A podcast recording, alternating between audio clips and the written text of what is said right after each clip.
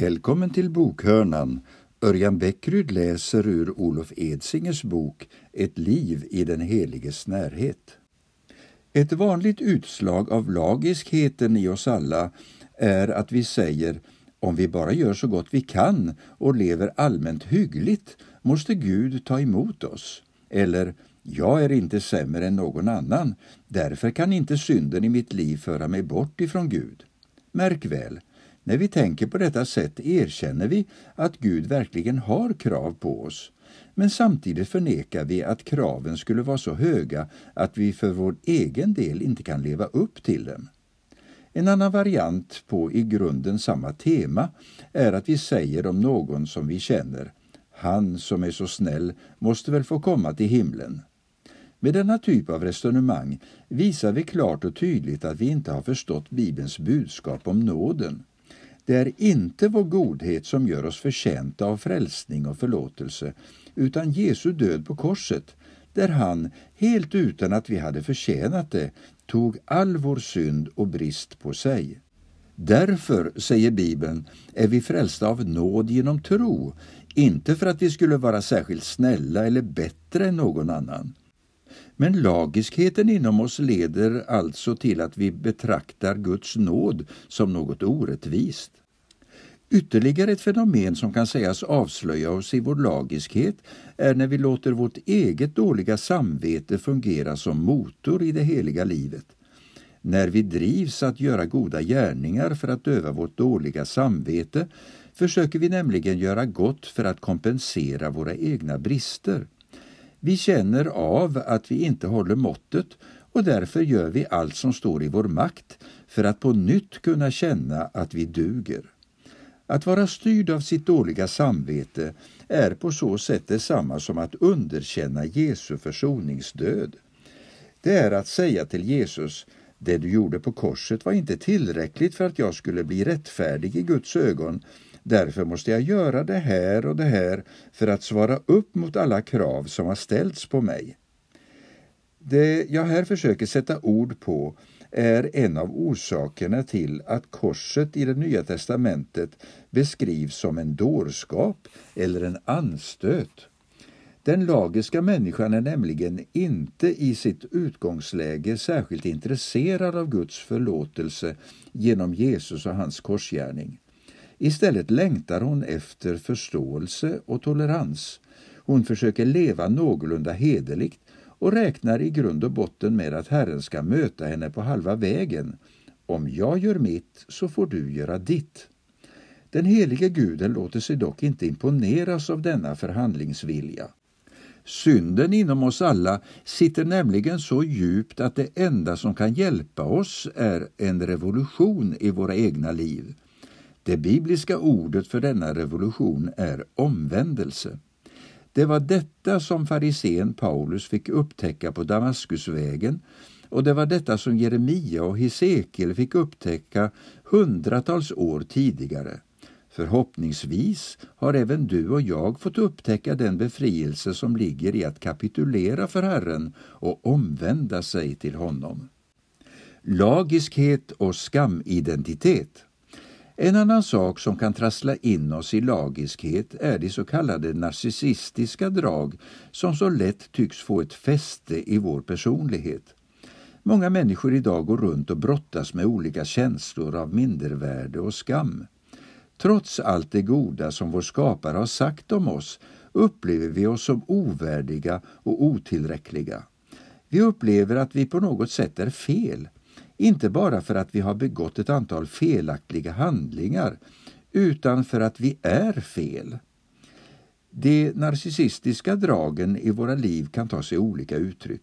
Ofta bottnar de i en upplevelse av ensamhet och övergivenhet och får sitt uttryck i ett starkt behov av bekräftelse. Om vi inte upplever att vi är någon försöker vi helt enkelt att med alla till bud stående medel bli någon i omgivningens ögon. Ofta börjar vi också ta in de idealbilder och krav som florerar runt omkring oss och med tiden tenderar vi att allt mer bli vår omgivnings slavar. Vi blir överkänsliga för kritik och vi får svårt att skilja mellan sak och person. När någon säger att vi gör fel tycker vi oss höra att hela vi är fel. Den naturliga flyktvägen för en skamtyngd människa är att på egen hand försöka tillskansa sig det värde som hon tycker sig sakna. Utifrån egna och andras ideal gör hon sig en bild av den lyckade människan och genom att försöka leva upp till denna idealbild tänker hon att hon ska få det värde som hon från början inte trodde sig äga. Flera gånger har jag i kristna sammanhang träffat människor som klagar över alla borden och måsten som de möter när de går i kyrkan. Av dessa personer upplevs lärjungaskapet som ett krav snarare än som en gåva. Och när de befinner sig i andra kristna sällskap drabbas de mest av dåligt samvete. Resultatet av denna känslighet blir att de alltmer drar sig undan den kristna gemenskapen. Även om jag på intet sätt ifrågasätter äktheten i dessa människors känslor och upplevelser är jag övertygad om att de krav som de säger sig möta i kyrkan ofta, men inte alltid, sitter på deras egen insida snarare än i den förkunnelse de hört från predikstolen. När den skamtyngda människan kommer i kontakt med skriftens undervisning om det heliga livet börjar hon nämligen inlemma Bibelns bud och förbud i den egna idealbilden. Så här ska man göra för att förtjäna omgivningens uppskattning och beröm, tänker hon. Eller, så här ska man leva om man ska duga i Guds ögon. En narcissistisk människa är i grunden präglad av sitt behov av bekräftelse. Så länge hon upplever sig vara framgångsrik i sin strävan att leva upp till idealen kan hon känna både tillfredsställelse och glädje i sitt liv. Men i samma stund som hon misslyckas drabbas hon av djup förkastelse. När den inre idealbilden rasar samman är det enda som blir kvar en misslyckad och i sina egna ögon värdelös människa. Och som sagt, i många fall har dessa känslor lett till att människor har dragit sig undan den kristna gemenskapen. Eftersom prestationsidentiteten har blivit kränkt har kyrkan upplevts som något som tar självkänslan ifrån en snarare än stärker den. Skammen och mindervärdeskomplexet har fått sista ordet. Gud kommer oss till mötes. De lagiska mönster som vi härmed har stannat upp inför har som gemensam nämnare att de får oss att besvärat börja skruva på oss när vi lyssnar till Bibelns tal om synden. Även om vi är plågsamt medvetna om vår egen bristfällighet upplever vi diagnosen som den Helige har ställt på oss att vi inte kan leva upp till lagens krav i egen kraft som ett hot mot vår egen självkänsla. Följaktligen försvarar vi oss frenetiskt mot både Gud och hans diagnos. Och inte nog med det.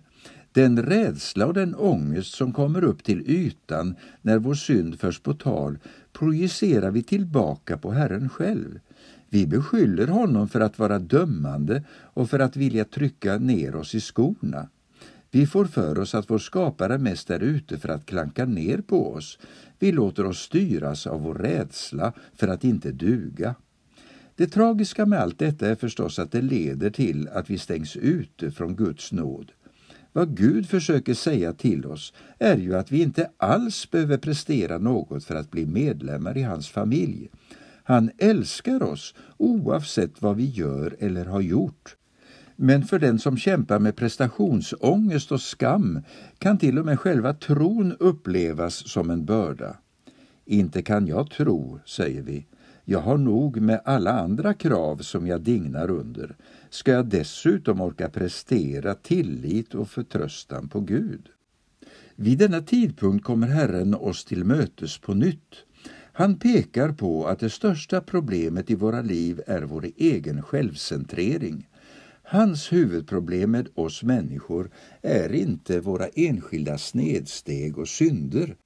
Det är att synden, skulden och skammen får till följd att vi blir skilda från vår skapare, han som älskar oss mer än någon annan.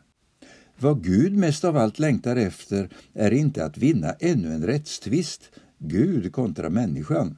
Vad han längtar efter är närhet och gemenskap. Däremot och detta är en central punkt i det kristna budskapet, vet Gud att sann närhet förutsätter försoning. Och försoning kommer alltid att förutsätta någon form av bekännelse. För att Gud ska kunna förlåta oss behöver vi därför göra upp med vår strävan efter självtillräcklighet. Vi behöver göra oss sårbara inför Herren och bekänna Herre, förlåt att jag avlägsnade mig från dig trots att du bara ville mig väl. Förlåt att jag försökte klara mig på egen hand. Förlåt mig för Jesu Kristi skull. När vi säger detta till Herren gör vi upp räkningen med vår egen lagiskhet. Vi kapitulerar för Herren och säger att vi faktiskt inte klarar oss själva. Hur mycket vi än arbetar på vårt sätt att leva kommer vi till korta inför Gud och hans bud. Därför låter vi Herren ta över. Och vi inser att den största tjänst som vi kan göra Gud inte är att leva på ett visst sätt utan att erkänna vårt behov av hans nåd och förlåtelse. När försoningen med Gud väl har skett och när vi har upptäckt att Guds krav egentligen bara var en längtan efter närhet, en personlig gemenskap med en helig Gud, kan en helt ny typ av identitet växa fram inom oss. På allt fler områden i våra liv får vi hitta vilan och tryggheten i Guds vilja till gemenskap snarare än som tidigare i våra egna prestationer. På detta sätt kan en sann kärleksrelation växa fram mellan oss och Herren. Som Johannes skriver, det finns ingen rädsla i kärleken, utan den fullkomliga kärleken driver ut rädslan. För rädsla hör samman med straff. Den som är rädd är inte fullkomnad i kärleken. Vi älskar därför att han först har älskat oss. Johannes första brev. Det är detta skeende som ligger bakom det vi var inne på i förra kapitlet, att den viktigaste drivkraften i helgelseprocessen är Guds nåd. Den som på djupet har fått möta Guds kärlek och förlåtelse kan nämligen inte förbli oförändrad. Som Johannes skriver, mina älskade, nu är vi Guds barn och än är det inte uppenbarat vad vi ska bli. Men vi vet att när han, Jesus, uppenbaras ska vi bli lika honom, för då får vi se honom sådan han är. Och var och en som har det hoppet till honom renar sig, liksom han är ren. Biblisk helgelseförkunnelse en viktig konsekvens av detta är också att ett fokus på den kristna livsstilen inte i sig gör en predikan lagisk. Det avgörande är istället hur vi talar om dessa saker. Jag har flera gånger lyssnat till predikningar där den bestående känslan jag har burit med mig har varit dåligt samvete. Det kan ha gällt sådant som hur vi borde ta hand om vår nya besökare i kyrkan, hur vi borde agera i förhållande till tredje världen eller hur vi borde tänka när vi lägger pengar i kollekten. Gemensamt för allt har varit att de ämnen och ändamål som har tagits upp har varit goda och behjärtansvärda, men de har ändå lämnat en dålig eftersmak. Biblisk helgelseförkunnelse fungerar inte på detta sätt. Visserligen händer det att Nya testamentets författare hänvisar till Guds dom som ett skäl till att vi behöver leva på ett rätt sätt. Och det kan förstås bidra till ett dåligt samvete. När jag talar om ett dåligt samvete som något negativt är det dock inte denna typ av förkunnelse jag kritiserar. Istället är det den förkunnelse som tar sin utgångspunkt i Guds lag istället för i Guds nåd. Annorlunda uttryckt, förkunnelse som är problemorienterad snarare än lösningsorienterad.